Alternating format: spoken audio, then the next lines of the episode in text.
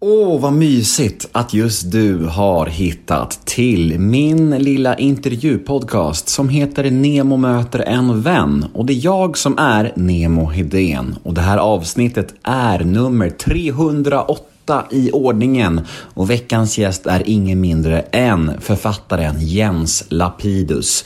Och jag tror inte han behöver någon närmare presentation. Han är ju en av våra mest sålda författare. Så det var väldigt spännande att eh, sitta ner med Jens och höra hans historia och ställa frågor om hans karriär och eh, ja, mycket därtill. Jag hoppas ni kommer tycka om det här. Jag heter Nemo Hedén på Instagram. Följ mig gärna där, då blir jag superglad.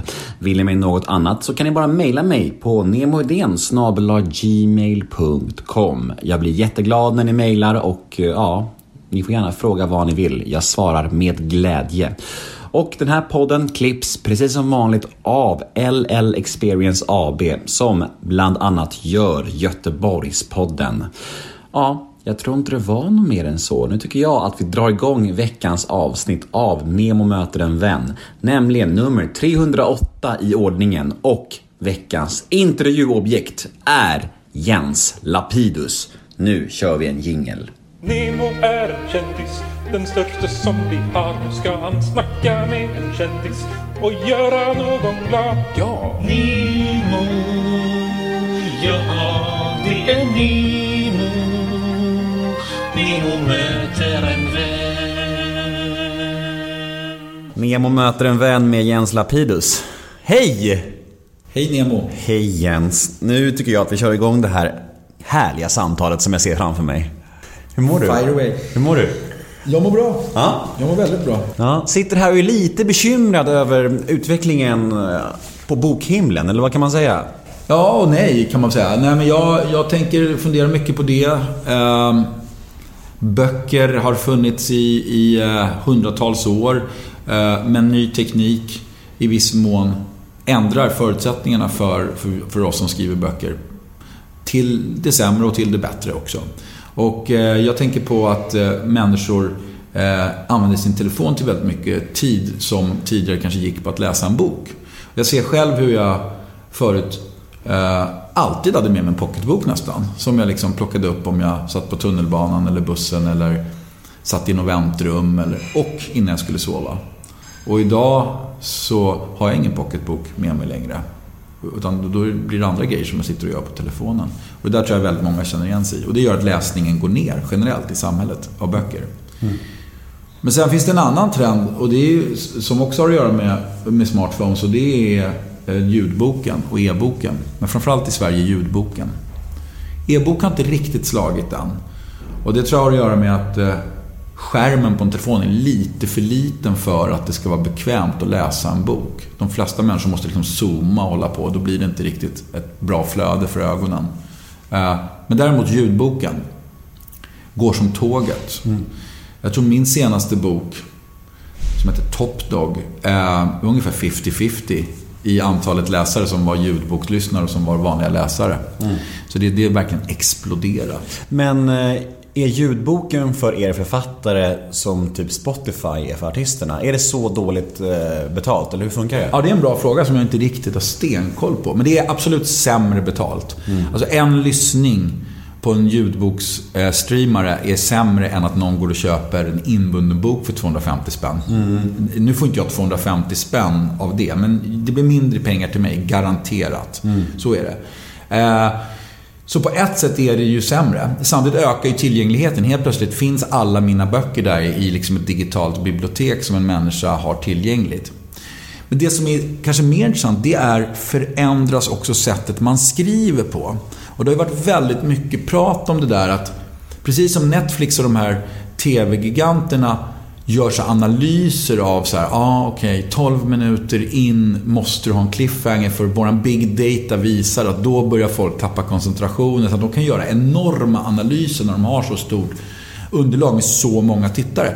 Så har det varit mycket snack om det i bokvärlden också. Så här, ska vi börja skriva böckerna för lyssning istället för läsning? Det vill säga, vi vet att snittlyssnaren kanske står och diskar eller joggar eller tränar eller vad man nu gör när man lyssnar en bok. Eh, lyssnar i snitt 18 minuter. Ja, bör vi då konstruera våra böcker utifrån de här 18 minuterna så att vi har en cliffhanger var 18 minut? Alltså, mm. exempel. Men vad jag försöker säga är att eh, dit har inte jag kommit än i vart fall. Att jag tänker på det när jag skriver mina böcker. Men jag tror absolut vi kommer se den typen av böcker som är gjorda först för att lyssnas på och kanske i andra hand för att läsas. Mm, mm. Och då blir det väl en utveckling som även du måste anpassa dig för. Men vi hoppas det dröjer. För det känns som att, eh, det känns som att en, en sån utveckling kan... Kan inte det hämma också? Alltså författare, att vara tvungna att anpassa sig på det, eller? Jo, jag tänker det. För en av de fina grejerna med litteratur, om man till exempel igen jämför med TV, det är att du är helt fri som författare. Mm. Om jag vill liksom att ett UFO ska krascha på Odenplan, då låter jag ett UFO krascha på Odenplan. Om det är bra för storyn. Medan om jag kommer med det i någon av de TV-produktionerna jag håller på med, då kommer de säga så här. Vad är budgeten för det? Mm. Mm. de säga. Eller liksom något annat så här grej som, som liksom... Så man är oerhört mycket mer begränsad. Ehm, och det du är inne på, liksom, börjar man skriva böcker med för mycket tanke på sådana grejer, så här reklampauser typ, då begränsar man sig själv. Mm. Lapidus, var kommer det ifrån? Det kommer, exakt var det kommer ifrån vet jag inte. Men det är ett judiskt-litauiskt efternamn. Uh, jag blev varse där hur Litau min, min familj kom till Sverige på mitten av 1800-talet. Jag blev varse hur otroligt litauiskt det var en gång när jag hade ett case med fyra killar som kom i en minibuss från Litauen till Frihamnen. Så blev de stoppade av tullen och man bröt upp den här minibussen och golvet visade sig vara ett dubbelgolv. Där det fanns en, ett stort utrymme där man kunde gömma saker. Och i det här utrymmet låg det 100 kilo metamfetamin som ju vi alla känner till från Breaking Bad men som är ganska ovanligt i Sverige. Då, mm. Som är liksom en starkare form, då, en mer potent form. Farligare också. Eh, det var det största tillslaget i Sverige av den typen av drog och eh, det blev en stor rättegång. Och alla de här killarna, eh, de hette typ så här Selenkovus, Maximovus, Ferenkovus och så var det Lapidus, då advokaten. Så att domaren blev oerhört förvirrad och det var nära att jag blev medskickad tillbaka till häktet från tid till annan och skulle ropa upp alla intagna. Alla namnen slutade på US eller AS. Och eh, jag insåg hur oerhört litauiskt det låter att heta det jag heter faktiskt. Det, hade det är lite nästan som ett somnamn där tror jag. Mm. Men du, när vi ändå pratar om eh, knark. det är alltid kul att prata om knark. Men jag själv har ju ett eh, missbruksförflutet. Och ehm, har alltid funderat lite på det där. Eller jag har inte alltid funderat på det, men jag har varit nyfiken på det här. Varför har metamfetamin aldrig kommit till Sverige på allvar? Nej, det har jag också funderat på. För i USA så, jag vet inte om det var på 90-talet det kom och blev stort, men det, det är ju liksom en av de stora, ska vi säga, drogerna där. Eh, det, det, är inte svårare att tillverka så vitt jag känner till. Eh, så jag vet faktiskt inte. Jag har Nej. inte svar på den frågan. Men det är, mycket, det är fortfarande väldigt ovanligt i Sverige. Mm, jag tänkte ändå att du skulle ha något svar på den frågan. Ja, Nej, du får klippa bort det om det inte blir tillräckligt spännande. Nej, det får Nej, men jag, jag tänker så här att eh, jag, jag, vet inte. Crack kom ju inte heller till Sverige på det sättet. Nej. Så som det gjorde i USA på 90-talet och 80-talet när det var liksom stor epidemi kan man säga. Den stora crackvågen liksom. Mm. Uh, jag vet inte varför. Vi får se. Kanske framöver. Ja. Um, det är väl en bra sak å andra sidan också? Ja, det är, väl, det är väl bra om vi slipper de här allra värsta grejerna. Uh, vi har inte heller, alltså vi har ju sett det, men det är inte heller riktigt lika stort i Sverige som det här fenantinyl och de här olika typerna av, av uh, och du, vad fan de heter, mm. och du Contino, jag, jag kan inte mm. namnen längre. men, ja, det, det är inte heller blivit riktigt lika stort i Sverige som, som i USA. Men du, när du kommer hit idag och eh, ska göra en intervju, hur går tankarna då? Vad är din känsla i kroppen? Alltså inställningen till intervjuer. Känns det så här, det här kan bli kul? Eller känns det så här, oh, en del av jobbet? Ja, men nu tycker jag faktiskt att det ska bli väldigt kul. För nu var det väldigt länge sedan. Mm. Jag har haft någon sån här grej eh, att Eh, sen Snabba Cash då, så, att jag försöker hålla mig till vissa perioder när jag gör intervjuer. För annars eh, så blir det så utsmetat och, man ska och då, då, blir det att jag kommer springa på små grejer eller stora grejer hela tiden och då blir det väldigt svårt att se så här, vad är kopplingen liksom, till det jag gör. Eh, för jag vill ju egentligen inte bli kändis på det sättet. Eh, skulle jag vilja bli kändis då skulle jag ju också hålla på och ringa tidningar när jag fick barn eller liksom eh, vilja göra konstiga uttalanden så att det blir liksom skriverier på Instagram eller whatever. Jag har inget intresse av det. Så jag försöker liksom hålla nere på intervjuerna och bara göra när de känns relevanta. Och nu har jag bott utomlands några år. Ehm, jag eh, har inte kommit med en bok på några år och sådär. Så då har jag helt enkelt inte gjort så mycket intervjuer. Och då är det, då är det rätt kul liksom att köra igång och träffa en kille som du. Ja, vad härligt. Vad, vad fint att det känns som att ha, ha lite att snacka om då. Du, vi är ju mitt i eh, hösten 2020 och eh, ja, man har ju sagt det här några gånger nu, men det är ju ett märkligt år vi har bakom oss. Och, eh, men det känns ändå som ditt skrå, det, alltså författarvärlden är väl en värld som påverkats ganska lite ändå av pandemin va? Ja, det, det, får man väl säga att vi är lyckligt lottade. Jag störs inte av... Det finns ingen arbetsplats som stängs ner så jag måste sitta och köra massa hemmajobb. Det gjorde jag ju ändå. Alltså det går ju ut på att jag sitter med min dator själv ändå. Så på så sätt har det varit lugnt. Eh, däremot så släppte jag i, eh, i våras eh, några barn, två barnböcker som kom samtidigt. Som heter Dillstaligan Konstkuppen och Dillstaligan Juvelkuppen. Det är första gången jag skriver för barn. Och det var otroligt kul och spännande att släppa de här böckerna. Men det var inte bra att göra mitt i coronan, det var det inte. Därför att barnböcker med bilder som det här är, det vill man gärna gå och bläddra lite i butiken och kolla. Hur, vad är det här? Hur är de tecknade? Och, och det är dessutom böcker som väldigt ofta köps av mor och farföräldrar som presenter till barnbarnen. Och mor och farföräldrarna var inte ute och shoppade så jättemycket i april. Eh, och det var inte så jättemånga överhuvudtaget i butikerna i april som kunde stå och bläddra de här böckerna. Så även om de gick jättebra liksom och hamnade på topplistor hit och dit så gick de inte så bra som de hade gjort om det inte var Corona. Vad är den stora skillnaden på att skriva för barn och för vuxna? Besides the obvious, att man liksom får anpassa språket och lite bilder och sånt. Finns det några mer skillnader som är för svårt för oss att veta? Jag tänker att det är liksom också mycket med moral. Eh, de här böckerna som jag skriver, de handlar om eh, några unga barn som har en tjuvliga ihop. Och då hör man ju direkt så här, ah, what? Kan, kan, man, kan man skriva om det? Är det okej okay att barn har en tjuvliga ihop? Så här? Och vad är de moraliska konsekvenserna av det? Kan de stjäla var som helst? Kan de ta från vem som helst? Eller måste de ha ett gott syfte med det de gör för att ändå liksom i slutändan så ska vi sända ut något schysst budskap? Uh, och jag har ju försökt så här, hitta någon så här mellanvariant, för det skulle vara ruskigt tråkigt om de hela tiden var jättegoda. Då blir det inget spännande. Samtidigt som jag kan ju inte låta dem liksom uh, råna en bank och uh, sen köpa knark för pengarna. Det går inte liksom heller att skriva som mina vanliga böcker är, om jag säger så. Då.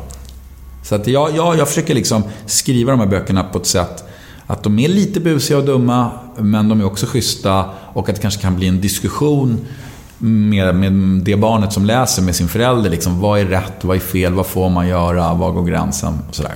Mm. Så, så det, det där har jag funderat på mycket. Testade du böckerna på barnen eller? Ja, mycket. mycket. Ja. Så de har läst olika versioner och sådär. Är de en tuff publik eller är de såhär bara det här var jättebra pappa? Ja, nej men eh, de, de är ganska tuffa men ofta på detaljer. Mm. De har svårt, mina barn i vart fall, att lyfta blicken och sådär. Och det har alla, jag kan säga även vuxna läsare har ofta svårt att lyfta blicken och se de strukturella grejerna.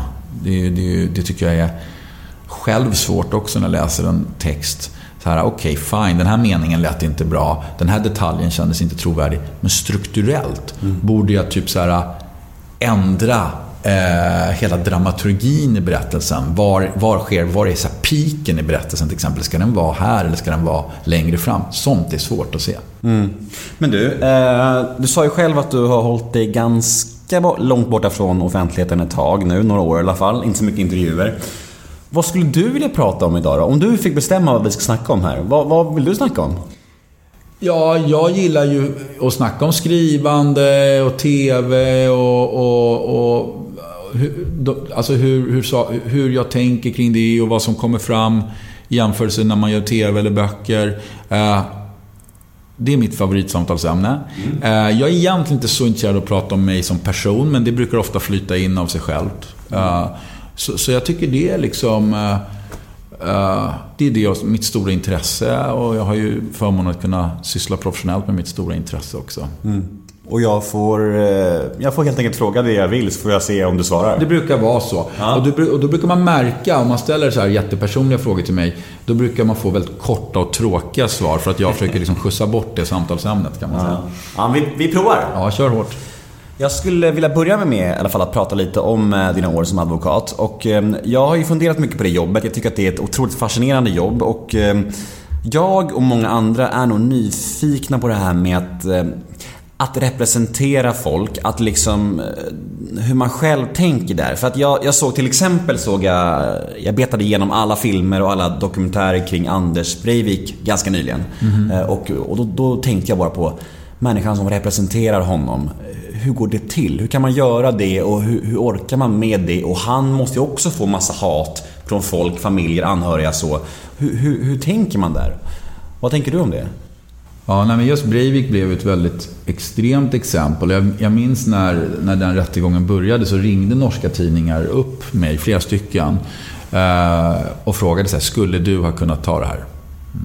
Skulle, skulle liksom du, du som också, även i Norge är jag då en ska vi säga, känd eh, person.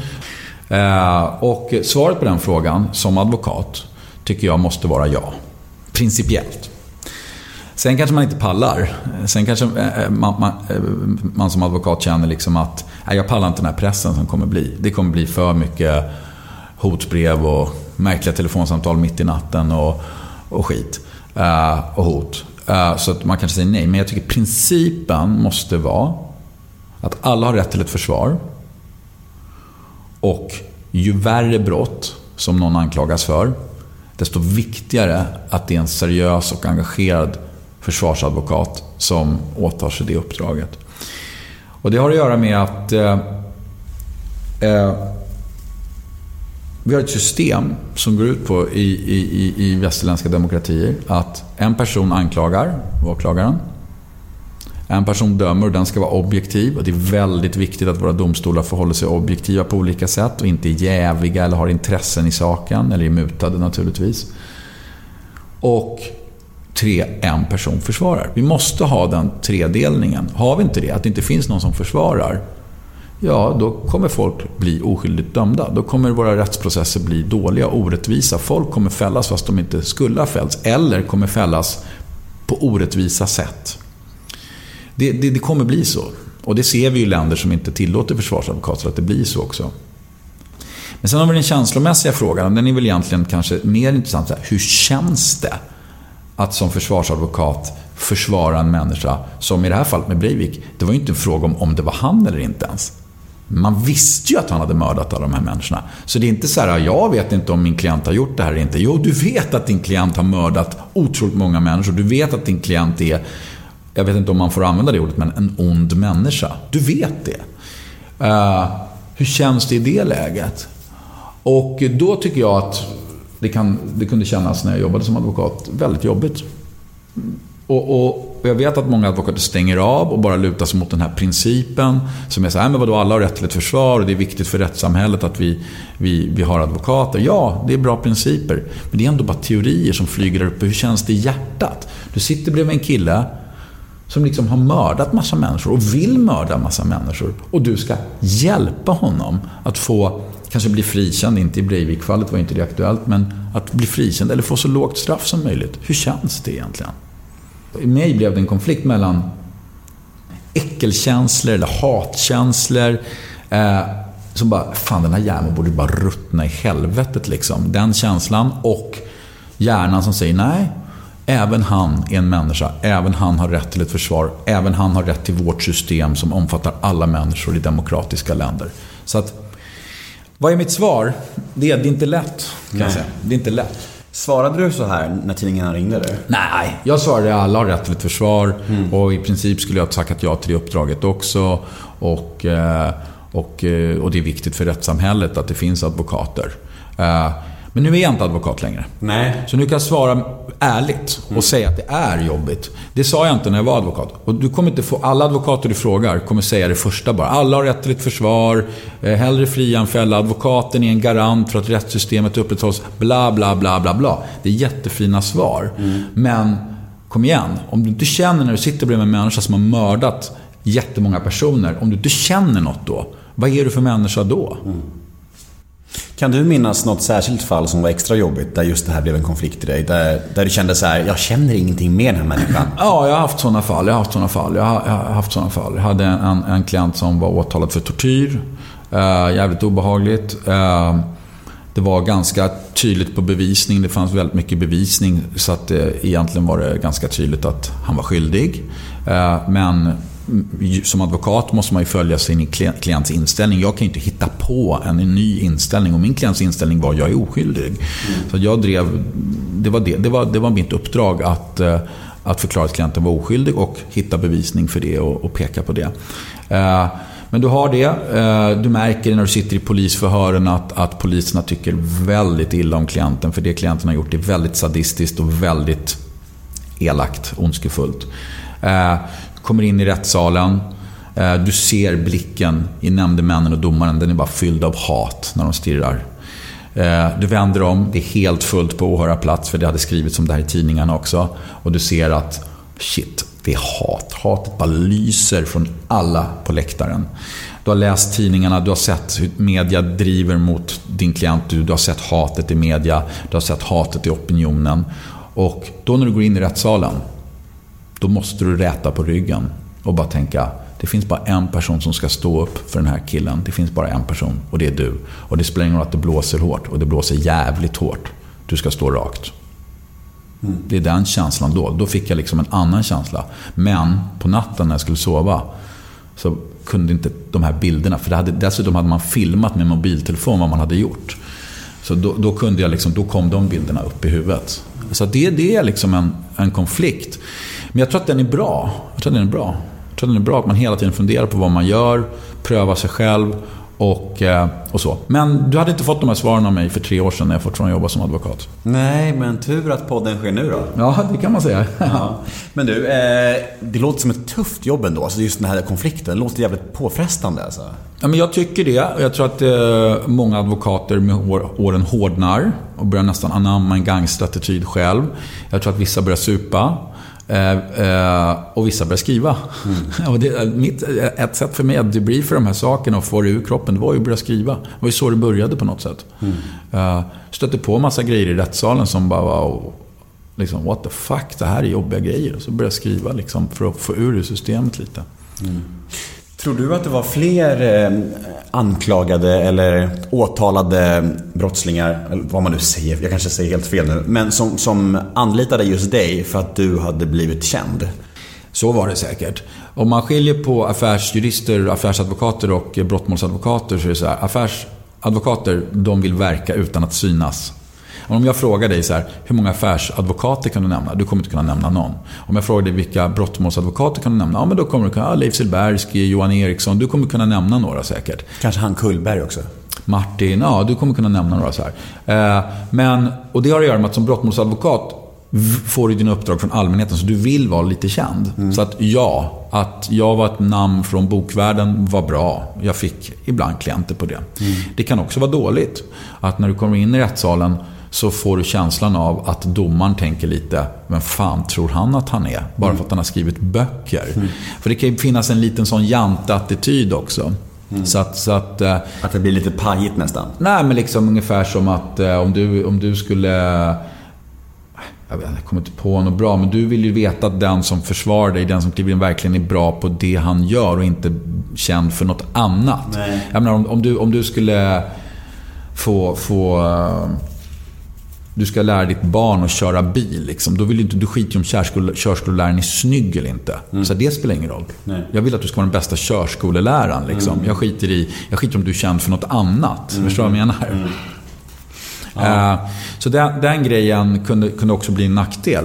eh, Med, med, med jantelag och avundsjuka och såna här saker. Men på det stora hela, ja, det är bra att vara ett känt namn. Så, när du blir gripen av polisen så frågar de vilken advokat vill du ha? Och så säger jag, ah, jag vet bara en advokat. Det är Jens Lapidus, honom vill jag ha. Men du, vad tycker du om den här vågen som har strömmat in nu de senaste åren med den här eh, brottmålsadvokatsreklamen? Som Ja, just det. Jag har läst om det lite. Men du kom på radio och så. Ja, jag har inte bott i vill ha Sverige. Du vill ha en hårding som försvarare. Du vill ha Kullberg och sånt där. Eh, jag har, jag, jag, han är en väldigt duktig advokat. Så att jag menar, sen exakt vad han har gjort för reklam och inte, det har inte jag hört för jag har bott eh, utomlands. Men, men eh, jag, har, jag har ju läst i tidningarna om kritiken mot de här grejerna. Eh, jag, jag tycker inte om det. Jag tycker att eh, jag vidmakthåller den, eh, ska vi säga, linjen som jag alltid körde och min byrå alltid körde och det kallar vi gentlemannalinjen. Eller den advokatetiska linjen. Inte springa runt och skrika och hojta och slå dig för bröstet i reklam och Instagram och hit och dit. Är du bäst kommer folk veta att du är bäst till slut. Och jag lovar dig, eh, du vet vilka som är bäst. Du behöver inte hålla på och liksom fake it till you make it. Liksom. Vem är bäst då? Med det sagt så va- var Martin Kullberg, jag vet inte faktiskt om han är verksam som advokat än. Han är en av de bästa. Han är Ja, en oerhört okej. skicklig advokat. Hur bra var du då? Eh, jag var också det. Topp- jag var rankad. topp fem? Topp 10 rankad, ja. Ja, snyggt. Men, men eh, jag, tror att, jag tror att, som jag säger, va, att, att det, det, det, när du, jag ska inte säga umgås med, men när dina klienter är yrkeskriminella, multikriminella, det riskerar att bli en påverkan i hur du själv börjar tänka. Uh, hur du själv börjar klä dig, vilken frisyr du börjar ha, vilken klocka du vill ha, vilken bil du vill köra. Menar, you name it. Du kan bli påverkad av att umgås eller träffa en viss typ av människor allt för mycket. Uh, om du inte redan hade de idealen innan. Men jag, jag, jag gillar inte det. Jag, jag tycker man ska vara lite mer som en, uh, ska vi säga, man ska vara försiktig och man ska vara framförallt gentlemannamässig och, och, och försöka ha ett asketiskt ideal, ideal i förhållande till det där och istället låta det du gör synas. 2006 eh, så kom Snabba Cash, eh, eller hur? Ja. Ja, och det var din debu- debutroman. Och eh, var det som en samling av de intrycken och eh, det du hade gjort liksom alla dessa år? Eller Ja, behövde kan- du göra mycket extra research Nej, inför den boken? nej det, och det har ju gällt för väldigt många av mina böcker under de åren jag jobbade som advokat. Eh, Att jag hämtade oerhört mycket intryck och inspiration från verkligheten. Eh, Så att, så att eh, jag var bortskämd med research. Jag behövde nästan inte göra någon research. Den kom liksom till mig. Det var nästan snarare så att verkligheten trycker sig in i mina böcker. Och jag liksom bara wow, registrerar, skriver ner. Det började liksom med att jag köpte ett litet block i Sollentuna centrum och satt på pendeltåget hem på dagarna. För det var i, i, i det som då hette Sollentuna tingsrätt, som idag heter Attunda tingsrätt. Och liksom skrev ner eh, alla grejer som jag hade sett och hört och upplevt. Och, och det är så otroligt mycket. Allt ifrån små detaljer med ordval, något ord som någon använder eller ett visst klädesplagg som någon har eller bara ett visst sätt att blanda ut kokain eller whatever. Detaljer till stora saker, eller vilken typ av brottslighet som trenden går mot och såna grejer. grejer.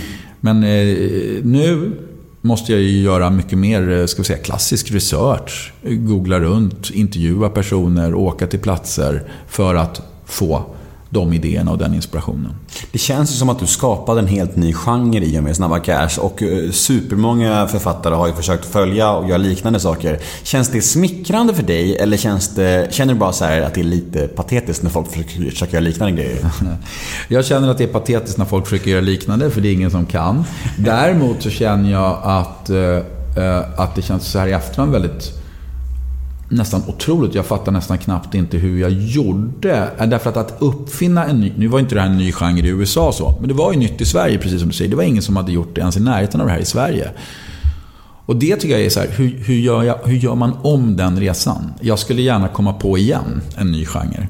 Eh, och det är svårt. Det kräver någon slags... Eh, jag tror att det var lite som du var inne på, så här, åratal av samlat tänk. Som bara så här, en damm som bara helt plötsligt släppte jag på trycket och bara skrev. Jag, Utan att knappt veta vad jag pysslade med själv. Jag visste inte ens att det var en bok jag sysslade med i början. Sen i början var det bara så här, jag måste skildra. Jag måste skildra det jag ser omkring mig. Men det låter nästan som att Snabba Cash var den lättaste boken du har släppt för då var det så mycket som bara som skulle ut. Ja, men nästan. När jag tänkte på det så här i efterhand så var det så här. Det fanns inga funderingar kring struktur eller dramaturgi. Det fanns inget så här, vad ska det handla om? Utan det var bara så här. Det ska handla om det här som jag ser runt omkring mig hela dagarna i domstolen.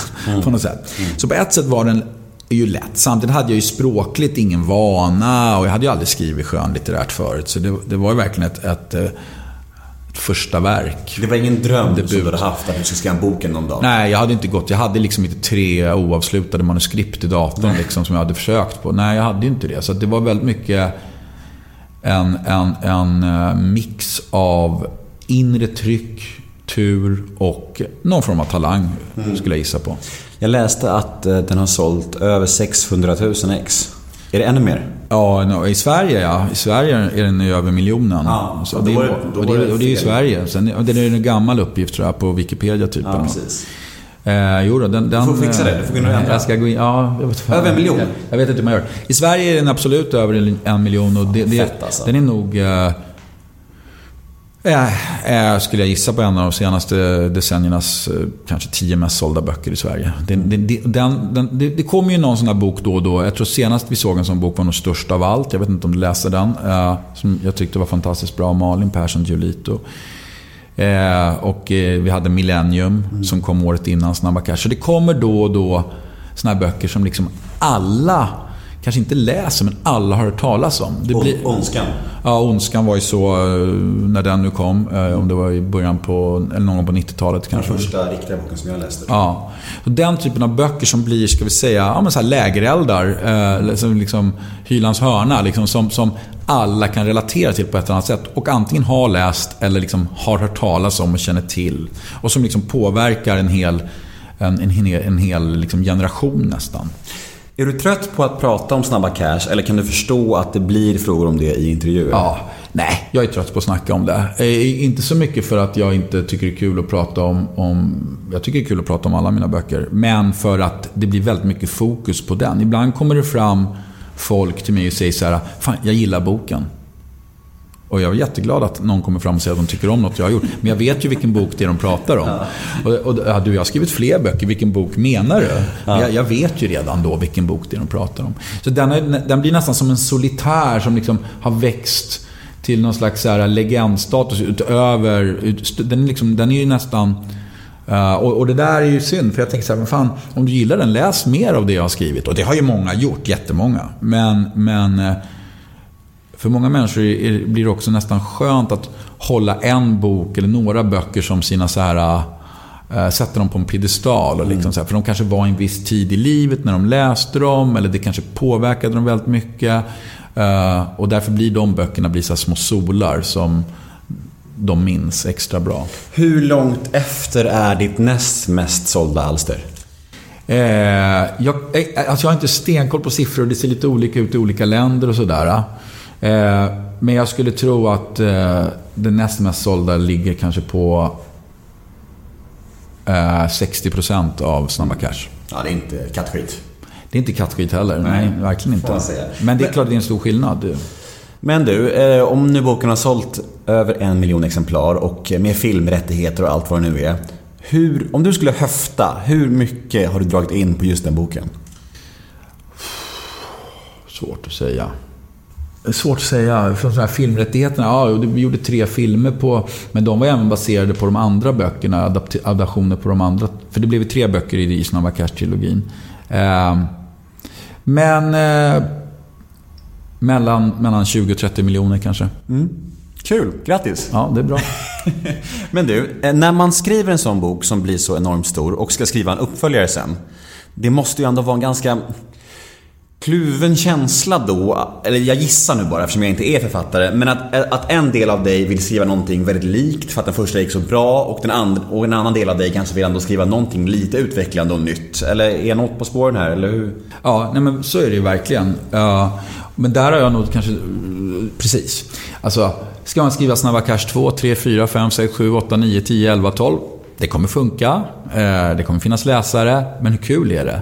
Eh, Många deckarförfattare eh, har ju gjort lite så att de har skrivit väldigt många böcker om samma liksom, poliskommissarie eller samma åklagare eh, som utspelar sig på samma plats i Sverige. Som har samma struktur, att det börjar med ett mord och, och sen ska vi lösa det här mordet. Och så finns det lite historiska parallellberättelser som i slutändan förstår vi spelar roll för det här mordet. Alltså det, och det där har jag hela tiden haft en inre strid. Eh, så var ju skrivandet hela tiden från början en sidogrej vid sidan av advokatjobbet. Och det var en grej som var min hobby, något lustdrivet, något som jag tyckte var kul.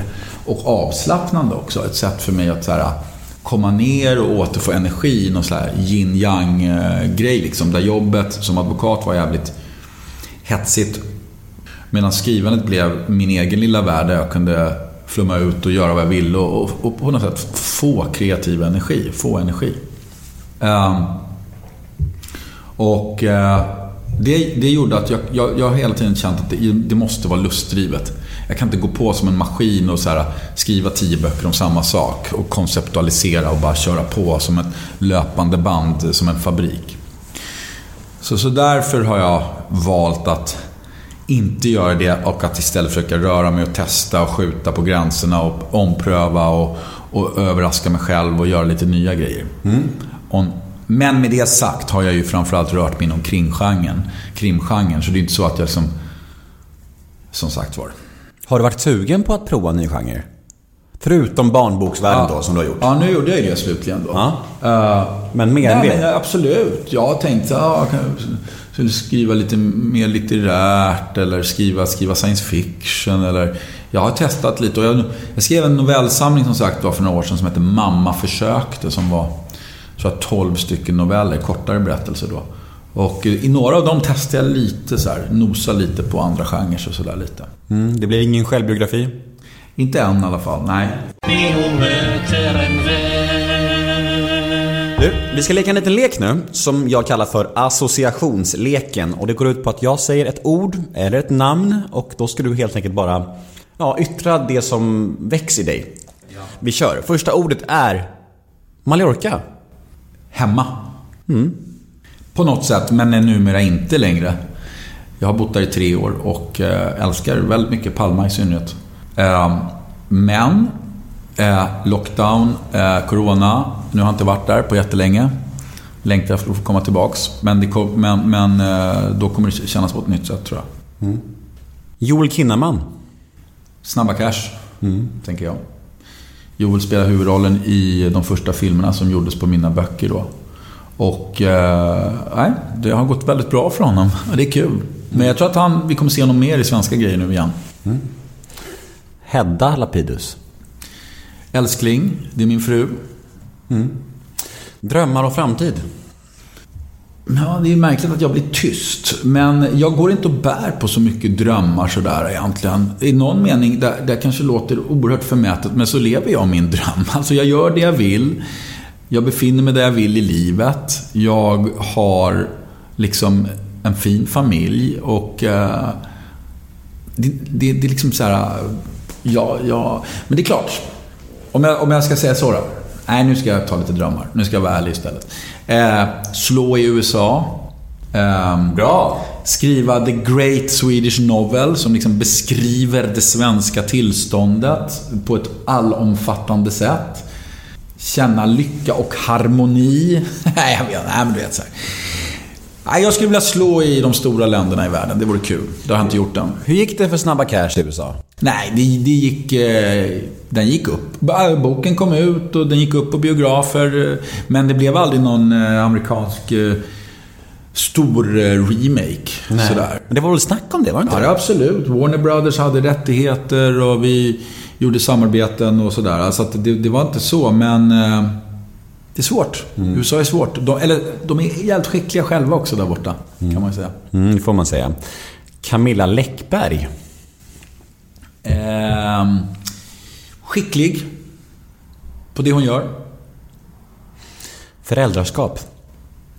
Svårt. Svårt. Utmaningar hela tiden. Jag har liksom sett en ny sida hos mig själv också. Eh, Jag trodde väl att eh, jag skulle vara så otroligt bra pappa. Och jag tror att jag har varit en bra pappa. Men jag har också sett hur lätt jag blir otålig. Mycket lättare än jag trodde. Preaching to the choir. Jag känner igen mig. Ja. Eh, barndom. Harmonisk, Gröndal, cykling, kojor, porrtidningar i skogen, ehm, springa hockey på isen.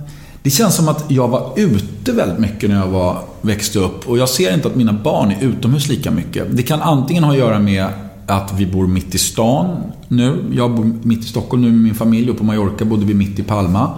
Eh, och jag växte upp i Gröndal, lite närmare till grönområden och sådär. Eller så är det bara att, återigen, det finns så mycket mer skärmar och grejer nu som gör att det är roligare att vara hemma än vad det fanns när jag var liten. Men när jag tänker på min uppväxt så är det väldigt mycket bilder utomhus ifrån som kommer. Eller så var det bara roligare att vara ute på vintern när jag var liten för det fanns snö. Jag vet inte.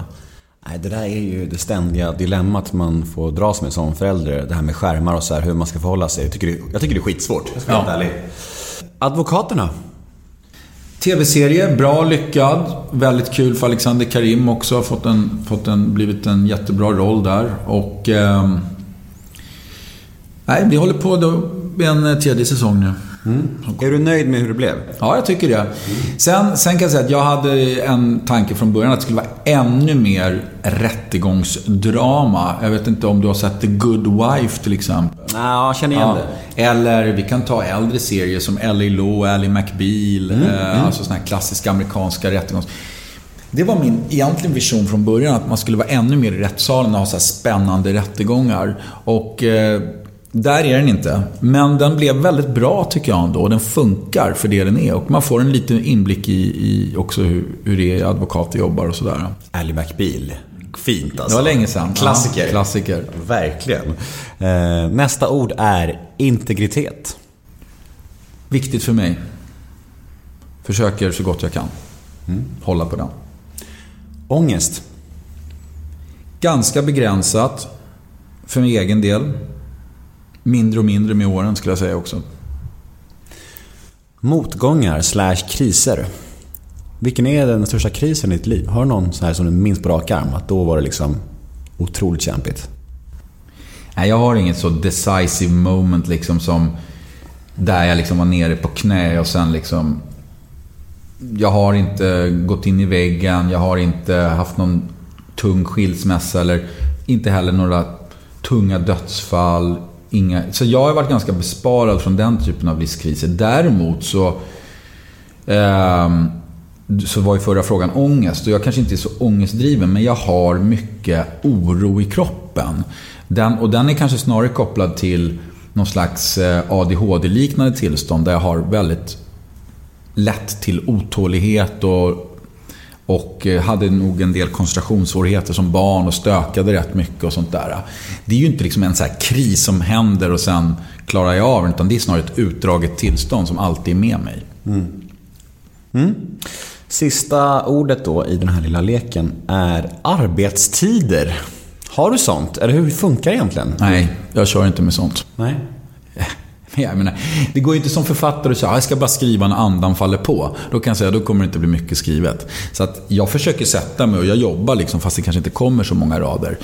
Men jag märker nu, i synnerhet när jag flyttar hem till Sverige, jag har svårt att fungera i den här tillvaron där nästan alla mina kamrater är så här, har vanliga jobb. Liksom. Jag vill ju ta en tre timmars lunch med några glas vin kanske. Jag vill dra ut och cykla i Hellas klockan halv elva på förmiddagen en tisdag när det är fint väder. Jag vill liksom jag vill utnyttja livet när, när det passar. Och det kan ingen annan nästan. Så jag blir så här lite, fan. Det, det, det är svårt. Det var lättare utomlands eh, för mig i alla fall. Du får skaffa flera kulturarbetarvänner. Jag tror det, jag tror det. Jag ska söka mig dit. Det är bra det. Du, bra jobbat. Ehm, nu ska vi köra lite snabbfrågor. Och då börjar vi med paradrätt. Fiskgryta. Mm, gott. Vad missbrukar du? Ingenting numera, men ett tag var det nog fina läderskor. Vilket var det dyraste paret du köpte då? Jag har köpt eh, massa såna här av olika märken. Men jag har aldrig gjort några handgjorda, så här direkt gjorda för mina fötter. Så långt gick det inte. Det var nära. Det var väldigt nära. Vilken egenskap hos dig själv föraktar du mest? Otåligheten tror jag. Ångesttrigger. Barnövergrepp och tv-serier och böcker om barn, övergrepp mot barn. Vad har du orimligt gott självförtroende inom? Ver, min verbala förmåga och min förmåga att uttrycka mig i skrift. Nej, den är inte orimligt god. Den är befogat god, skulle jag säga. då är det okej. När grät du senast? Det var länge sedan. Jag kan ju få en sån här tår i ögat i såna här riktiga sliskiga Hollywoodfilmer när i slutscenen när typ eh, den här eh, undertryckta personen plötsligt vinner allting eller någonting. Då, då brukar det komma en tår. Vad lägger du mest pengar på? Och du får inte svara skor. Nähä. Då svarar jag konst. Vad oroar du dig för mest? Mina barn. Vad tror du andra människor tänker på när de tänker på dig? Och då menar jag både som offentlig person och dina privata kompisar. De tänker nog på en ganska integritet, lite så här stiff typ liksom. Med mycket kapacitet. Mm. Tror du att det är samma bild från kompisarna alltså, som offentligheten? Eller? Nej, kanske mer offentligheten. Mm. Men med kompisarna eh, tror jag... Jag har väldigt gamla... Mina kompisar hänger... Jag har läng, långa relationer med mina vänner på något sätt. Så att vi känner varandra från lång tid tillbaks. Mm. Vad kommer du aldrig förstå dig på att andra människor tycker om? Selleri. Väldigt svårt att förstå. Syltad lök. Jag menar såna här små vita syltlökar alltså. Eh, det har jag väldigt svårt att förstå. Och... Eh, ja. Mm. Det finns mycket. Det är väl det. Och du, avslutningsvis så ska vi damma av fyra stycken lyssnarmail som vi har fått in här. Ja, uh, yes, första mejlet lyder så här. Hej Jens! Det känns som att du har en ganska liberal inställning till narkotika. Stämmer detta? Och vad har du för relation till alkohol och droger egentligen? Ja, nej men i, i, botten så, ehm, så har jag nog kanske en liberalare inställning än den klassiska svenska inställningen. Men jag tror att den håller på att förändras i Sverige också. Eh, jag tror, jag skulle inte vara förvånad om vi om tio år ser någon form av eh, legalisering av eh, enklare droger som marijuana till exempel i Sverige. Kanske för medicinskt bruk eller för någon, någon annan typ av kontrollerat bruk. Som advokat kan jag säga att man ser otroligt mycket mer våldsbrott och brott och överlag som sker eh, under, in, under eh, inverkan av alkohol än under inverkan av marijuana. Eh, marijuana är kriminaliserat i sig och eh, det är ju annan narkotika också. Så naturligtvis är det en enorm mängd brottmål som sker på grund av det. Men om man skulle avkriminalisera marijuanan, då tror jag inte vi skulle se nästan några våldsbrott eller sexualbrott eller någonting som hade med det att göra. Medan alkoholen ser det hela tiden. Det är nästan aldrig du ser ett slagsmål på stan då det inte har varit alkohol inblandat. Så i det perspektivet så kan man fråga sig vad, vilken är den stora boven egentligen här till att annan brottslighet sker? Vilken är det, vad är det som liksom förstör mest i samhället? Och eh, då tror jag det är absolut alkohol. Så att, ja, ja, jag, är, jag, är, jag, vill inte säga, jag vill inte driva någon så politisk linje för att legalisera, men jag, jag skulle... Hur ska man uttrycka det här på ett diplomatiskt sätt då? Om, om det var någon som sa så här, låt oss vara lite mjukare mot Mariana så skulle inte jag tycka att det var en idiot. Nej, det är väl bra eh, uttryckt. Eh, mail nummer två. Vad är skillnaden på att skriva nu jämfört med när du började skriva? Jag är mycket, mycket mer medveten egentligen på ont skulle jag vilja säga. Eh, I början var det bara ett flow som kom och jag skrev av mig en massa saker som jag hade upplevt och sett eh, i domstolen. Eh, nu så kan jag hamna i lite mer skrivkramp ibland för att jag funderar mycket mer på vad gör jag, hur ska jag göra det och blir det här bra verkligen och så vidare. och så vidare. Har du författarkollegor som du till exempel bollar saker med och visar upp saker för eller jobbar du alltid själv? Jag visar upp saker för folk, men inte så mycket författarkollegor. Utan det är andra personer jag har förtroende kring runt omkring mig då. Mm. Cool. Eh, nästa mail lyder så här. Den här tycker jag är lite rolig eftersom att jag själv har mjukisbyxor på mig idag. Ja. Eh, det står så här. I Stockholm Delete så står det att ju mjukare kläder desto hårdare kille. Och det är anledningen till att gangsters ofta bär mjukiskläder. Finns det någon källa på det här eller har du bara hittat på det själv? Det är nog något jag har hittat på själv. Däremot kan väl ingen undgå, och för mig blir det extra tydligt som har bott utomlands några år, att eh, mjukisklädestrenden eller sportklädestrenden tycks vara här för att stanna. Eh, Innan jag flyttade utomlands för några år sedan så skulle jag nog tänkt om jag såg en tjej komma på gatan i träningstights att ah, hon kom precis från gymmet. Eh, eller en kille som kom i ett par liksom stripade träningsbyxor skulle jag tänka ah, han är på väg till fotbollsträningen. Så är det ju knappast längre. Nej, det har förändrats. Och sista lyssnarmailet lyder så här. Vad har du för relation till kriminalitet och den undre världen egentligen? Hur många vänner har du där? Hur ser det ut? Mm. Privat eh, är inte någon relation alls egentligen. Eh, men mitt yrkesliv eh, fram tills för tre år sedan eh, gick ju nästan bara ut att, på att eh, på olika sätt ha att göra med människor från den, del, från den delen av samhället kan man säga. Eh, och det hände ibland när jag jobbade som advokat att jag blev bjuden på kanske fester eller bröllop eller andra den typen av events. Och då brukade jag artigt men tydligt tacka nej. Mm. Just därför att jag vill inte ha en privat relation. Jag, jag menar, när jag jobbade som advokat, då gav jag allt. Då var det krig, då var det kött och blod, då var jag liksom min klient, det var allt. Uh, men privat, jag vill inte sen, efter att rättegången är klar, vara kompis med samma person. Nej. Det är inte så det funkar. Nej. Hade det gått ut över din trovärdighet tror du som advokat? Det hade kunnat gå ut över trovärdigheten och det är inte bra. Och det hade också kunnat försätta en i konstiga intressekonflikter. Mm. Okej, okay, men hur ser eh, hösten och vintern ut nu då?